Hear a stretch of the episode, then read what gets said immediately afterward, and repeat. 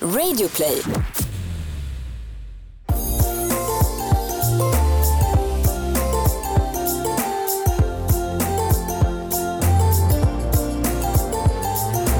Hej och välkomna till ett nytt avsnitt av Bakom varumärket med oss Jessica Morales. och mig Jenny Kaiser. Ja, Ja, måndag hela veckan känns det som. Ja, det kommer bli en galet effektiv vecka här. En, extremt mycket på jobbet. Det är maj månad, alltid hektiskt inför sommaren. Bebyggs i trädgården, Byggs trädgården. uppåt och framåt som vi brukar säga. Och idag så har vi en gäst i studion som vi är extremt glada över att få hälsa välkomna. Han är den första av våra gäster som sitter framåtlutad i stolen. Ja. Det har aldrig hänt Man förut. känner sig nästan lite, eh, Med lite hotad. Med kommentaren att ska man prata om viktiga saker kan man inte sitta tillbakalutad. Det får man ju Precis. älska. Mm. Ja. Och vem är det här då? Ja, det är en gäst som inte jobbar som marknadschef men är, eller åtminstone borde vara, marknadschefens absolut bästa vän. Yes. En person som är expert på, expert på det här med varumärken, eh, marknadsföring och som brinner för att skapa värden i form av lönsamma positioner och hur man skapar effekt över tid. Ja, så, och förutom hans roll som docent i marknadsföring och lektor på Stockholms universitet så är han en av grundarna till och Head of Science på strategibyrån Evidence Strategy som dessutom är en sys- systerbyrå till Åkestam Holst och en del av vårt nätverk The North Alliance. Varmt välkommen Niklas Bondesson! Tack, jätteroligt att vara här. Otroligt roligt att ha dig här. Det är Ja. vi väldigt glada över. Sa vi rätt på dina titlar? Absolut, helt rätt. Ja, Till och med härligt. den akademiska titeln, helt rätt. Ja, vad bra. Annars så brukar, det, brukar det bli en tråkig början nämligen. Mm. Du, hur mår du? Har du haft en bra helg? Jättehärlig. Eh, också påtat i trädgården, börjat gräva, dona lite, varit ute i härliga vädret med barnen. Så underbart, verkligen. Ja, skönt. Eh, vi börjar, brukar alltid börja med att låta vår gäst få presentera sig själv lite grann eftersom de, många av dem inte vet vem du är och din bakgrund. Sådär. Skulle du kunna börja med att bara berätta ja, var kommer du ifrån och din uppväxt och ja, vad du nu väljer att berätta. Absolut. Jag är norrlänning, jag kommer från Härnösand som ligger nästan mitt i Sverige. Så där växte jag upp, men flyttade ganska snabbt därifrån. Eh, pluggade i eh, Sundsvall, sen i London. Sen avslutade jag i Lund och när jag pluggade där och tog min master så erbjöds jag att eh, fortsätta doktorera i Lund då, på varumärkesstrategi. Och eh, det hade väl inte tänkt på det egentligen som någon slags karriärbana, men eh, ja, tänkte att det är här får jag chans att fördjupa mig. Jag är väldigt nyfiken på att lära mig mer om saker och ting, så jag fick en bra chans att fördjupa mig i ämnet och doktorerade där i ungefär fyra år. Och samt parallellt med det så började jag jobba som konsult och rådgivare. Då. För att jag märkte att eh, de, eh, den liksom kunskap som jag fick fram i mina avhandlingsstudier var till stor hjälp för företag. Och det här med varumärken och strategi och kommunikation, och så här, var kom det intresset ifrån? Nej, men det var egentligen att jag var väldigt intresserad av den kommersiella delen av marknadsföring och varumärken. Hur man kan hjälpa företag att sälja mer och mer lönsamt. Och eh, tittar man då på hur man kan göra det så hamnar man ganska snabbt i att ett starkt varumärke eller en lönsam position är väldigt viktigt, framförallt på lång sikt. Så det var den, den vägen in kan man säga från det finansiella. Mm. Och din, dina föräldrar och så vidare, vad är deras bakgrund? Kort.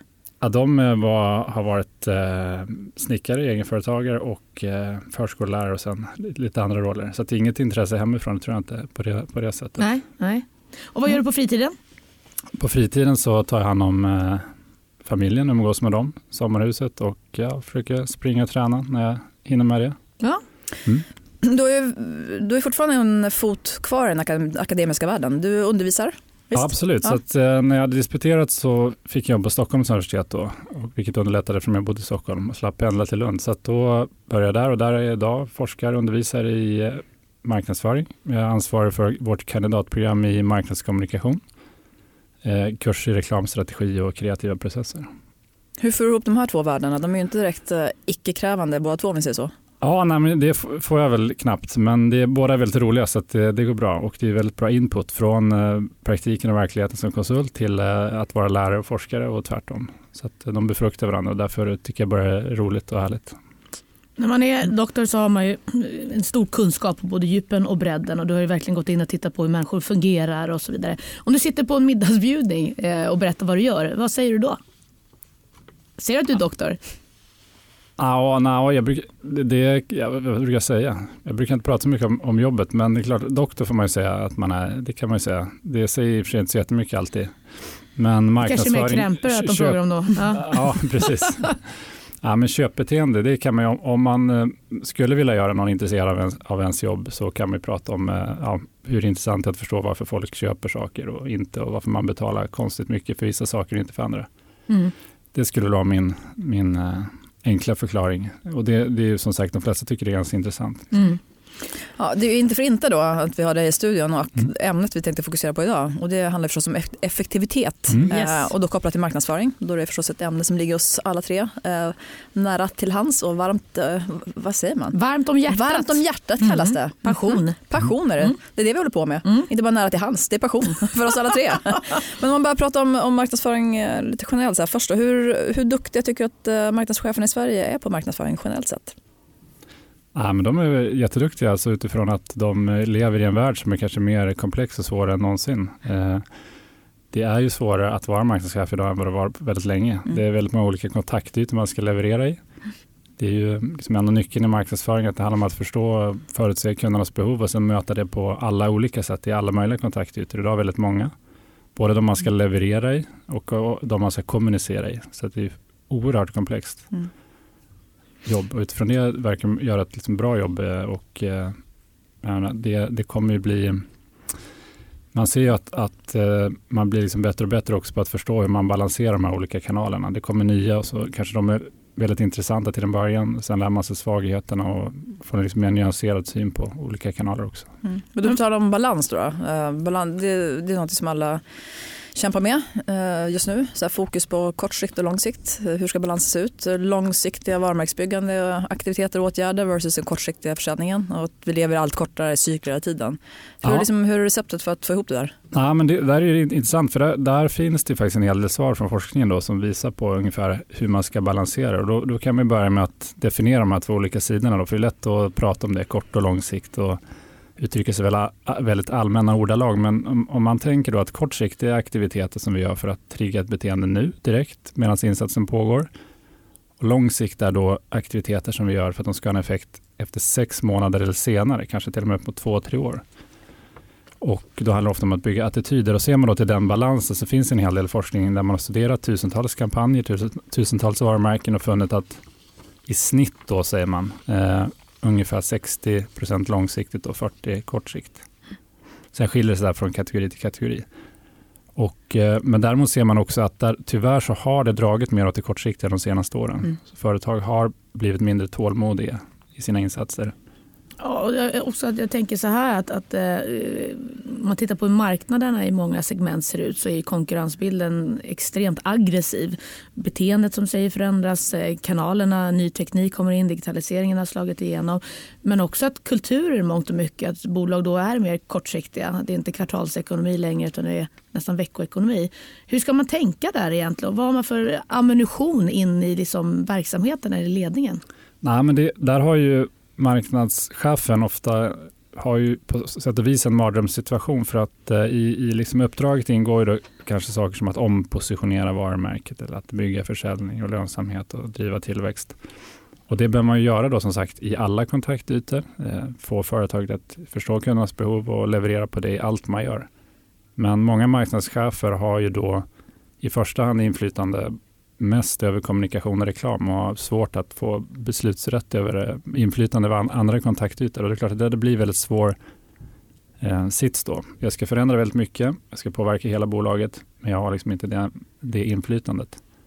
Och då skapar det kanske en, en, eh, en svår sits och man tar till kortsiktiga eh, insatser då som snabbt kan visa effekt. Så det, det, är liksom, det är en svår sits. Så hamnar man där och där tror väl vi då, och som jag tänker, att eh, om man tittar på någon studier över vad gör marknadschefer framgångsrika i sin karriär? Det finns en jättebra bok som heter The 12 Powers of a Marketing Leader. Där man har tittat på framgångseffekter som CMO karriärmässigt. En av de viktigaste sakerna är att man väldigt, väldigt snabbt och tydligt identifierar vad är de viktiga, viktiga, stora affärsfrågorna i det här företaget? Alltså vad är det som får högsta ledningen, vd, att eh, inte sova om natten? Vad är liksom stora affärsmålen? Och sen då koppla sina aktiviteter och insatser till det. Liksom ta rygg på det mm, och visa mm. att man bidrar till de sakerna. The big question som man säger i den boken. Mm, mm. jag håller med. Jag tycker... Det är dags att omdefiniera rollen på den här personen. Du säger så här, prata om att det är svårare och svårare att göra ett jobb som marknadschef just kopplat till det du säger Niklas. Ja, men, men, jo, fast jag tänker så här, definition. ja, men också sen tillbaka till att eh, är man marknadschef eller är man snarare del i att driva affären? Mm. För det handlar för mig i alla fall ganska mycket i vad är ens utgångspunkt i vad min roll är, vad är det jag ska bidra med. Även om så att säga varumärket eller marknadsföring eller whatever nu det handlar om så är ju inte det en, en, en, eh, en enskild insats utan det är ju en konsekvens av en affärsstrategi. Och det tycker jag är en ganska viktig fråga att prata mera om som också kan hjälpa marknadschefen att göra ett bättre jobb. Precis, och sen är det tillbaka till mandatet och vart går, vart går gränserna? För vi märker också att många av våra uppdragsgivare, man har massa vilja och precis det du säger, man, man blir begränsad i sina mandat för att det finns silos eller organisationen är ställd på ett visst sätt och så vidare som gör att det blir svårt att få liksom genomslag för alla saker man skulle kunna vara med och driva och påverka. Mm. Ja, det är frustrerande att försöka driva tillväxt då när man, man känner att vi har kanske undermåliga produkter eller dålig kundtjänst. Dålig Man kanske inte har kontroll över CRM och så vidare. Det är ju, Exakt. mm. Men eh, och sen finns det då ytterligare då, vi pratade om det lite grann tidigare här innan du kom in i studion, men Eh, vi pratar om big data och tillgången på data rent generellt. Där många bolag känner ju mig själv och mitt eget beteende bättre än vad jag själv gör eller tänker på det. Och det gör att vi kan ju möta eh, våra konsumenter, målgrupper i olika typer av kontexter, känsloyttringar, kanaler eh, och så vidare, mognadsgrader. Men då tycker vi att det är ganska viktigt när det kommer till varumärket från din då, eh, synsätt varumärkets varande och vikt i skiftet vi befinner oss i? Är det fortsatt lika viktigt som vi har hävdat? Eller? Nej, men det, blir, det blir viktigare och viktigare på så sätt att eh, menar, det som har skett senaste åren det är att det är den digitala marknadsföringens framväxt och den har gjort det väldigt mycket mer effektivt att jobba med det man kallar skörda. Om man ska dela in lång, lång och kortsiktig så och skörda så handlar de digitala verktygen mycket om att man mycket mer effektivt kan skörda, som du säger, hitta rätt konsument vid rätt tillfälle med ett relevant budskap. Och det är absolut väldigt viktigt. Det kan man göra bättre än någonsin med hjälp av data. Men samtidigt när alla företag till slut använder ganska liknande verktyg och gör det på liknande sätt, även i övriga digitala kontaktytor. Många e-handelssidor ser ganska likadana ut. Många customer journeys börjar likna varandra. Man liksom använder samma metodik för att eh, identifiera pain points och så vidare. När allting då blir ganska lika liksom, i den digitala upplevelsen, då behöver man ju liksom tillbaka till det som var brandingens poäng från början, att bygga någon slags magkänsla kring leveransen, kring produkten, som gör att man kan ta ut en prispremie eller en volympremie. Och då handlar det om, om att bygga liksom känslor, magkänslor, eh, som skapar ett, ett mervärde. Och då behövs det långsiktiga, då behövs det ofta det mer emotionella och kreativa. Och när man då sitter säger vi, i ett styrelserum till exempel och pratar om magkänsla och här har vi många personer som är ganska fyrkantiga och tittar på siffror. Eh, vad är liksom de ännu tyngre liksom argumenten för att investera i varumärket? Nej, men det, det är väl just att man, man eh, måste ju försöka att eh, differentiera sig på något sätt. Och man vill ju, jag menar, det handlar lite grann om vart man börjar diskussionen. Om man börjar i diskussionen i liksom, vad har vi för affärsutmaningar? Är det viktigt för oss att kunna ta, ta lite mer betalt? Vore det intressant att kunna öka lönsamheten genom att höja priserna en aning? Hur, hur kan vi göra det? Ja, då kan vi göra det på olika sätt. Kan vi, vi kan förbättra produkter, tjänster, men kan vi liksom bygga någonting som får folk att betala mer för våra produkter och tjänster trots att den produkten i sig är ganska snarlikt konkurrenterna. Så det är klart att då, då blir det liksom väldigt intressant lönsamhetsmässigt. Mm. Eh, och då får man liksom börja fördjupa sig lite grann. Men hur, vad, vad är det som gör att vi betalar orimligt mycket för vissa saker? Vad beror det på? Så, ofta är vi kanske när vi jobbar och när jag jobbar som konsult, då får man ju gå tillbaka lite vad forskningen säger och också titta på Kahneman och dem och hur fattar vi beslut? Och när man väl börjar prata om det så känner de flesta ändå igen sig och i sig själva också, att man är ganska emotionell och När känslomässig. man är och- som Mm. människa. Ofta blir ju liksom ett problem kanske att när man jobbar själv på ett företag så blir man ju väldigt, väldigt insatt och intresserad av sin egen kategori, sin egen produkt. Men glömmer bort kanske hur, mycket, hur ointresserade omgivningen är, eller kunderna, av mycket av det man gör. Och, och ju liksom mindre intresserad man är, ju mer blir det en magkänsla. Mm. Så om man är hos ett, eh, ett eh, företag som säljer bredband, då får man liksom fråga den ledningsgruppen, hur gjorde ni sist när ni valde eh, försäkringar? Vad valde ni på då? Liksom? Ni, gjorde ni jättedjup research eller tog gick ni på någon slags känsla här? Och då land, inser de ju ofta och att det, liksom, det var en magkänsla. Ja. Ja. det ligger väldigt mycket i det. Det, är ju, det visar som sagt vad forskningen och så vidare. Men i grund och botten är vi ju människor. Det är det det handlar om också. Ja, och där, men liksom, återigen den här balansen då att, att eh, om man ska bygga den där liksom känslan runt omkring som gör att man kan ta orimligt mycket betalt, så att säga, vilket gör det väldigt lönsamt, då, då kräver det en annan typ av insatser också. Därför är det så viktigt att hålla isär långsikt, kortsikt, såskörd och inte blanda ihop dem. Eh, för några år sedan, så, kanske för tio år sedan, så var det en del stora globala företag som sa att nu går vi över bara till liksom det digitala och kortsiktiga mer och mer. För vi ser att det där gamla traditionella funkar inte längre. Till exempel Procter Gamble och mm. Adidas. Mm. Men de har ju sagt senare. TV var dött. Det var den ja, perioden. Till exempel. Ja. Nu har man ju, något år senare så insåg man att det där funkade inte riktigt. För att det finns liksom en kraft i, i att nå ut brett och bygga känslor. Sen vilka kanaler man gör det i, det, det kan variera. Men just att skapa en känsla, återigen, det är ju det som varumärket handlar väldigt mycket om. Sätta en, en magkänsla kring produkten. Då behöver man nå ut brett och ofta lite mer emotionellt. Ja, ett kulturellt anslag, att man kan påverka kulturen med bred kommunikation så att folk börjar prata om ett, ens varumärke, ens kommunikation och så vidare också. Vi hade Bauhaus ja. i, mm. i studion här eh, innan och eh, Johan där Saxner berättade lite grann om deras då marknadsstrategi där de har investerat eh, väldigt mycket, gått in i sporten, inte bara investerat utan de har gått in med själen i verksamheten och hjärtat därför att de ser att det är en kontext som berör och engagerar och de kan liksom nå sina målgrupper på ett mycket mer effektivt än i det digitala för framförallt det han lyfte. Och det tycker jag är liksom lite intressant att man går in och också gör ett löfte i form av att vi är med och bygger svensk idrott. Det är ju att connecta liksom på tycker jag, ett bra sätt mm. men också fortfarande vara väldigt orienterad kring vad driver det för någonting för vår verksamhet. Det har vi gjort bra tycker jag. Absolut, sen ska man ju akta sig, vilket man ibland kan låta som att, att det skulle vara något fel på de digitala insatserna, utan det är återigen den här balansen mm. och de digitala är superbra och fantastiska på framförallt att skörda och där ska de användas till fullo. Men just den här så-delen, att bygga det här mer långsiktiga, då är det inte alltid de fungerar allra bäst. Det har man ju sett till exempel om man väl har gjort en film, en reklamfilm, rörlig av något slag, finns det ju en intressanta studier som visar på att den får mycket mindre impact om du ser den på mobilen eller på nätet än om du ser den på tvn bara för att den tar en mindre del av skärmen. Mm, så att det blir inte lika mm. emotionell påverkan. Mm. Så att det, hålla isär de två delarna återigen. Mm. Ny säsong av Robinson på TV4 Play. Hetta, storm, hunger. Det har hela tiden varit en kamp. Nu är det blod och tårar. Fan händer just det. det detta är inte okej. Okay. Robinson 2024, nu fucking kör vi. Streama söndag på TV4 Play. Poddtips från Podplay. I podden Något Kaiko garanterar östgötarna Brutti och jag Davva dig en stor dos skratt. Där följer jag pladask för köttätandet igen. Man är lite som en jävla vampyr. Man har fått lite blodsmak och då måste man ha mer.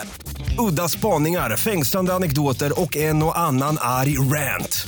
Jag måste ha mitt kaffe på morgonen för annars är jag ingen trevlig människa. Då är du ingen trevlig människa, punkt. Något kajko, hör du på podplay. Därför är gardinerna. Vi skulle även förstås vilja prata lite om effektprinciperna mm. Eh, som är något som eh, presenterades av KOM i januari 2019. Eh, och det är åtta principer för hur man ska liksom tänka kring och jobba med kommunikationseffekt. Där har du varit en väldigt drivande del i det hela tillsammans mm. med några kollegor i branschen. Kan inte du berätta lite grann, vad, hur hoppar du på det här projektet? Hur, berätta lite om bakgrunden, vad är de här, vilka är de åtta principerna och så vidare? Ja, men bakgrunden var att KOM, då, Sveriges kommunikationsbyråer, hade identifierat ett behov av att stärka upp sig på effektsidan. För att man insåg ju mycket klokt att det blir allt viktigare att liksom förstå och prata effekt. Inte minst för att det är en liksom, hård konkurrens om eh, pengarna i bolag, inte bara liksom internt utan även vi byråer och vi konsulter måste visa att vi bidrar till affären. Och då insåg man att vi måste jobba mer systematiskt med effektfrågan. Då blev jag rekryterad till styrelsen då och fick i uppdrag att bygga upp den här effektkommittén då hittade jag ett gäng effektnördar runt om i Sverige från olika byråer, olika delar av landet, um, olika discipliner och vi jobbade tillsammans då med att försöka fundera på hur kan vi sprida liksom, kunskap och tanke kring effekt. Och det första vi gjorde då var att sätta oss ner och försöka liksom definiera vad är det vi vet egentligen? Vad vet vi från forskning och studier och praktik? Vad, vad är det som funkar och inte funkar? Så vi kan bygga vidare på det. Och det är det som de här effektprinciperna handlar om. Då. Så att våra, våra liksom egna erfarenheter, forskningen som finns och också att vi intervjuade flera av Sveriges mest framgångsrika reklamköpare då, eller kommunikationsköpare. Så principerna definierar då kan man säga, vad utmärker de som verkar vara duktiga? Vad utmärker byråer, kunder som får effekt? Och utifrån de här åtta, alltså, jag tror inte att alla har, eh, har säkert tyvärr läst rapporten än men efter det här så kommer det vara en extrem trafikökning till Koms hemsida bland annat. Så tänkte vi läser upp dem i alla fall så återkopplar vi till dem. Definiera kommunikationens nytta, rita upp en effektkedja, definiera nuläget och sätt prioriterade mål, utgå, utgå ifrån både kortsiktiga och långsiktiga effekter, förankra kommunikationens roll i organisationen, anpassa effektmåtten till insatsen, Bedöm effekten utifrån förutsättningarna, mät rätt och ofta. Känner du igen det? Absolut. Och då De har du talas om förut. ja. Men du, om, om, eh, om man ska titta på, förlåt Janne, nu avbröt jag dig. Nej, kör på. Men gud, förlåt, det var jätteotrevligt. Nej, men, om man ska titta på de här åtta principerna, vad skulle du säga, finns det någon eller några som är direkt utmärkande som både vi på byråer och som kunder behöver bli lite bättre på och jobba mer med? Ja, man kan väl säga att det, en liksom grundläggande princip det är ändå att det är kanske inte alltid en brist i så mått att man inte mäter saker. Man översvämmas ibland av undersökningar utan det handlar väldigt mycket om att tänka till lite innan man börjar mäta och innan man gör kommunikation. Fundera på vad man egentligen vill åstadkomma. Koppla det till affären återigen då. Vad är affärsmålen för den här organisationen? Prioritera tydligt så att man vet vad man ska åstadkomma och inte åstadkomma och sen mäta det. Det- Det är liksom väldigt grundläggande såklart. Det handlar i effektkedjan om. Det handlar princip 1 och 2 om också. Mm, Fokusera och mäta det som ska mätas. mm, För det är där återigen, då, det finns väldigt mycket data, det finns väldigt mycket undersökningar, men ofta kanske man mäter lite på slentrian utan att man har glömt bort var, varför tittar vi på den här siffran ens. Mm. Och det är så oerhört tydligt också att de som är framgångsrika just har förmågan att prioritera i mätning. Mm. Det som jag tycker är, är också, det går tillbaka till det här med eh, vad man i slutändan mäter. För exempel ekonometri är något som ganska många kunder eh, mäter, kortsiktig försäljning kan man säga. Det man många gånger bortser ifrån i den typen av mätningar det är ju vad man stoppar in i kanalen till exempel. Den är väldigt fokuserad egentligen på investeringen per mediaart kan man väl säga. Vad är, vad är de viktigaste delarna du upplever att man, eller du rekommenderar att en kund ska mäta? Nej, men det, då kan man ta det här med kort och långsikt igen. Och, och, eh, det tråkiga svaret är att det, det kan ju vara ganska kundspecifikt ändå. Det är lätt att liksom göra som alla andra och köpa samma mätning. Men det handlar om att återigen då, vad är våran utmaning? Mm. Vad är våra mål och vilka mätningar då rätta för oss? Och så, men framförallt att se till att vi har både kortsiktiga som ekonometri och som kan vara kortsiktiga ibland, eller lite medel långsiktig och eh, långsiktiga mätningar då, där man kanske följer en lönsam position över tid och så vidare, eller sitt varumärke. Eh, Så att det, är liksom, det är svårt att säga att alla ska mäta det här, för det går lite grann emot Mm. poängen att hitta just det, det du be- behöver mäta. Och, menar, man kan ju förstå den frustration som finns ibland kring mätningar, för att man ofta kanske utsatts för att man mäts på helt irrelevanta saker. Som, Men det var inte det här vi skulle åstadkomma, varför sitter vi och tittar på den här siffran? Och det, Mm. det handlar mycket om att komma bort från det, veta vad vi mäter och varför. Och vad vi ska använda resultatet till. Mm. Exakt. Mm. Men ni har ju också kört en liten turné med, med att presentera de här principerna. Mm. Hur har det, hela projektet tagits emot både av KOM och av eh, kunder och så vidare? Ja, fan, eh, vi är jätteglada, fantastisk Ja. respons. Jag såg framför mig, kanske pessimistiskt lagd då som västernorrlänning, men jag såg framför mig 40, 30-40 stycken på ett seminarium någonstans i Stockholm. Eh, men det har ju varit ungefär 1200 personer nu som har lyssnat på det här runt om i Det är fantastiskt. landet. Fantastiskt, åh vad roligt. Och alla är jätteglada, både på väldigt många byråer har varit där, men också väldigt många från annonsörssidan. Och båda varit, alla varit liksom väldigt positiva och glada. Och det är jätteroligt för att man, det är ju liksom ingen rocket science de här principerna, men att man känner kanske då, säger man i alla fall, att det är skönt att någon Sätta ord på det. sätter ord Mm. på det, paketerar det, får ner det, de här viktiga grejerna som är lätt att kanske glömma bort i den här tider av liksom snabb förändring och nya kanaler och nya möjligheter. Mm. Tillbaka till lite basics. Mm. Har ni även fått förfrågningar att uh, föreläsa för, för bolag? Liksom på? Ja, absolut. Jag har själv varit på ett och andra i kommittén då har varit på, hos andra bolag. Det är toppen. Allt det här kommer innebära att det kommer aldrig vara, finnas några eh, eh, vad ska man säga, investeringar som är kastade i sjön om Ja. alla gör som ni säger. Exakt, nu är det, nu är det löst. fantastiskt, nu är det löst. Problemet är löst. Ja. Ja, men det många säger att det, det, är liksom, att det är ett gemensamt diskussionsunderlag. Och det är en sak som vi inte hade tänkt på är att byråer som har sagt vad bra för nu kan vi gå med det här till, till våra andra byråer som jobbar för samma kund och så kan vi liksom ha ett gemensamt snack här om vad, okej, vad sik- siktar vi på samma saker eller olika? Det, det är kanske är dumt då, men vi, vi har, bidrar med olika saker men vi siktar åt samma håll. Mm. Om, eh, vi pratar jättemycket om det hos oss som är våra kunder just kopplat till att marknadsföring inte är ett självändamål utan det handlar ju liksom om att skapa affärsvärde. Det är där någonstans och det är ju en jätteviktig del att förhålla sig till det gemensamt oavsett om man är mediebyrå eller social expert eller ja, vad du nu har för disciplin egentligen in i teamet. Så det är en bra som du säger, bränsle in i en sån diskussion och att våga ta tror jag diskussionen också. Gemensamt tänker jag. Absolut, Mm. och göra de tuffa prioriteringarna tillsammans. Mm. Eh, och, och, nu hänvisar vi lite grann till tidigare mm, samtal igen, men det här med lågkonjunkturen igen då, som kanske är på väg. Liksom. Vad, vad tänker du där kring? Eh, vad är råden till marknadscheferna där ute att tänka på om det är så att vi kommer in där ganska snart? Nej, men då, med risk för att bli tjatig då, det, det man ser att de som slås ut i lågkonjunktur, det är de som inte är tillräckligt kundorienterade. Mycket av den så kallade butiksdöden handlar ju i i grund och botten inte om nödvändigtvis att butiker dör ut, utan att de varumärken och organisationer som inte möter kundernas behov dör ut. Så att identifiera kundernas behov, problem och verkligen se till att hela organisationen är fokuserad på att möta det. Det är ju liksom vaccinet mot eh, lågkonjunkturer. Mm. Lyssna på det nu där ute. Precis. Mm. Men om vi blickar lite framåt i tiden, då, fem år till exempel. Hur ser medielandskapet ut då och eh, hur långt tror du att den tekniska utvecklingen har påverkat Sveriges marknadsavdelningar?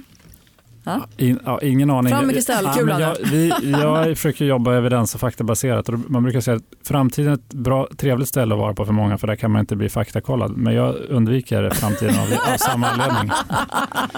Jag har ingen aning om vad som händer i framtiden. Men om ingenting väldigt drastiskt händer så kommer det vara fortfarande samma saker som alltid har gällt. Mm. Förstå kundernas behov, ha en balans mellan kort och lång sikt, påverka både emotionellt, skapa en magkänsla, en lönsam position på marknaden och se till att skörda väldigt effektivt genom att nå rätt människor i rätt tid med rätt budskap. Om man tänker på de så kallade Big Five då, i techvärlden. Vad tror du deras framtid? Kommer alla fem finnas kvar inom närmaste åren? Då var det här med framtid igen. Nej, Ja, men, men- det, men det man kan säga kring dem som är intressant det är att de väldigt tydligt ökar sina investeringar i ganska, som många skulle säga, traditionell kommunikation. De gör ju mer och mer sån kommunikation som är bred räckvidd och når räckvidd och byg, bygger eh, liksom emotioner. Så att de, de som föddes digitala blir ju mer och mer traditionella i den bemärkelsen. Sen ska man vara väldigt försiktig med vad som är digitalt och traditionellt men de bör ju mer och mer växa upp och eh, då agera mer som andra stora traditionella bolag. Facebook har ju gått ut nu och ju, eh, så proklamerat en ganska stor förändring i sitt synsätt i varför de finns till och så vidare. Det ska bli jättespännande att se. Kommer kunna gå tillbaka till sin privacy om man nu säger så som utgångspunkt istället för kollektiva offentliga eller vad, vad händer där egentligen? Ja, nej, men en, en, som, en sak som är intressant med dem, alltså om tar konsumentperspektivet, det är väl just att det här med targeting så finns det många studier som visar att folk gillar ju inte alltså, att bli utsatta för väldigt smal targeting. Alltså man känner ett visst obehag när man känner att det här är alldeles, alldeles för riktat till mig. Och där har ju de, inte bara de, men det är en del av de utmaningar de har, att liksom den balansen mellan att vara relevant vid rätt tillfälle och att folk känner sig förföljda. Ja, det kan vi nog alla känna igen oss i. Eh, och Kina då? Kommer de ta över världen? Får stora frågor? Ja, om jag visste vad som händer i, i världen om fem år, då, Ja. då, mm, Vore du rik man? annat, ja, Ja. precis. Ja, men Kina är ju intressant på många sätt. De är inne i så extremt många olika branscher också som man inte har någon egentligen koll på som eh, gemene man. Eh, och är väldigt långt framme på många olika områden. Så därför är det intressant att fnula på dem i alla fall. Mm. Jaha, Ja, men eh, vi måste ju det, avsluta. det blinkas här och viftas. Nu pratar vi för länge igen. Ja. Det blir alltid så här när vi har intressanta samtal. Men vi avslutar som alltid med några snabba frågor. Vi säger fem ord vi kastar ur oss och sen så säger du det första du tänker på. Kör, Varumärken, lönsamhet, Passion, varumärken. utbildning, Utbildning, ja, då tänker jag mycket på Stockholms universitet, mitt jobb dagligt. familj, Härligt, pengar, viktigt. Härligt. Tack snälla Niklas. Otroligt kul att ha dig med här i studion. Och jag tycker vi ska påminna eh, våra lyssnare där ute att som sagt var, eh, introduktionen eller lanseringen av de åtta principerna ligger faktiskt på KOMs hemsida. Eh, så man kan se, eh, vad är Volvo Showroom va? Ja, exakt. Ja. Och eh, hör av er till, till oss om ni läser den och vill protestera eller reflektera. Vi älskar att snacka effekt. Ja, eller bara boka en separat eh, enskild dragning. Det också. Det är också Precis. perfekt. Eh, vi säger tack så mycket då. Ja, det gör vi. Niklas. Tack. Det här är då jag, Jenny Kaiser. Och jag Jessica Morales från Bakom varumärket signing off. Vi hörs om en vecka people. Bakom varumärket presenteras av Bauer Media. Störst i Sverige på ljud.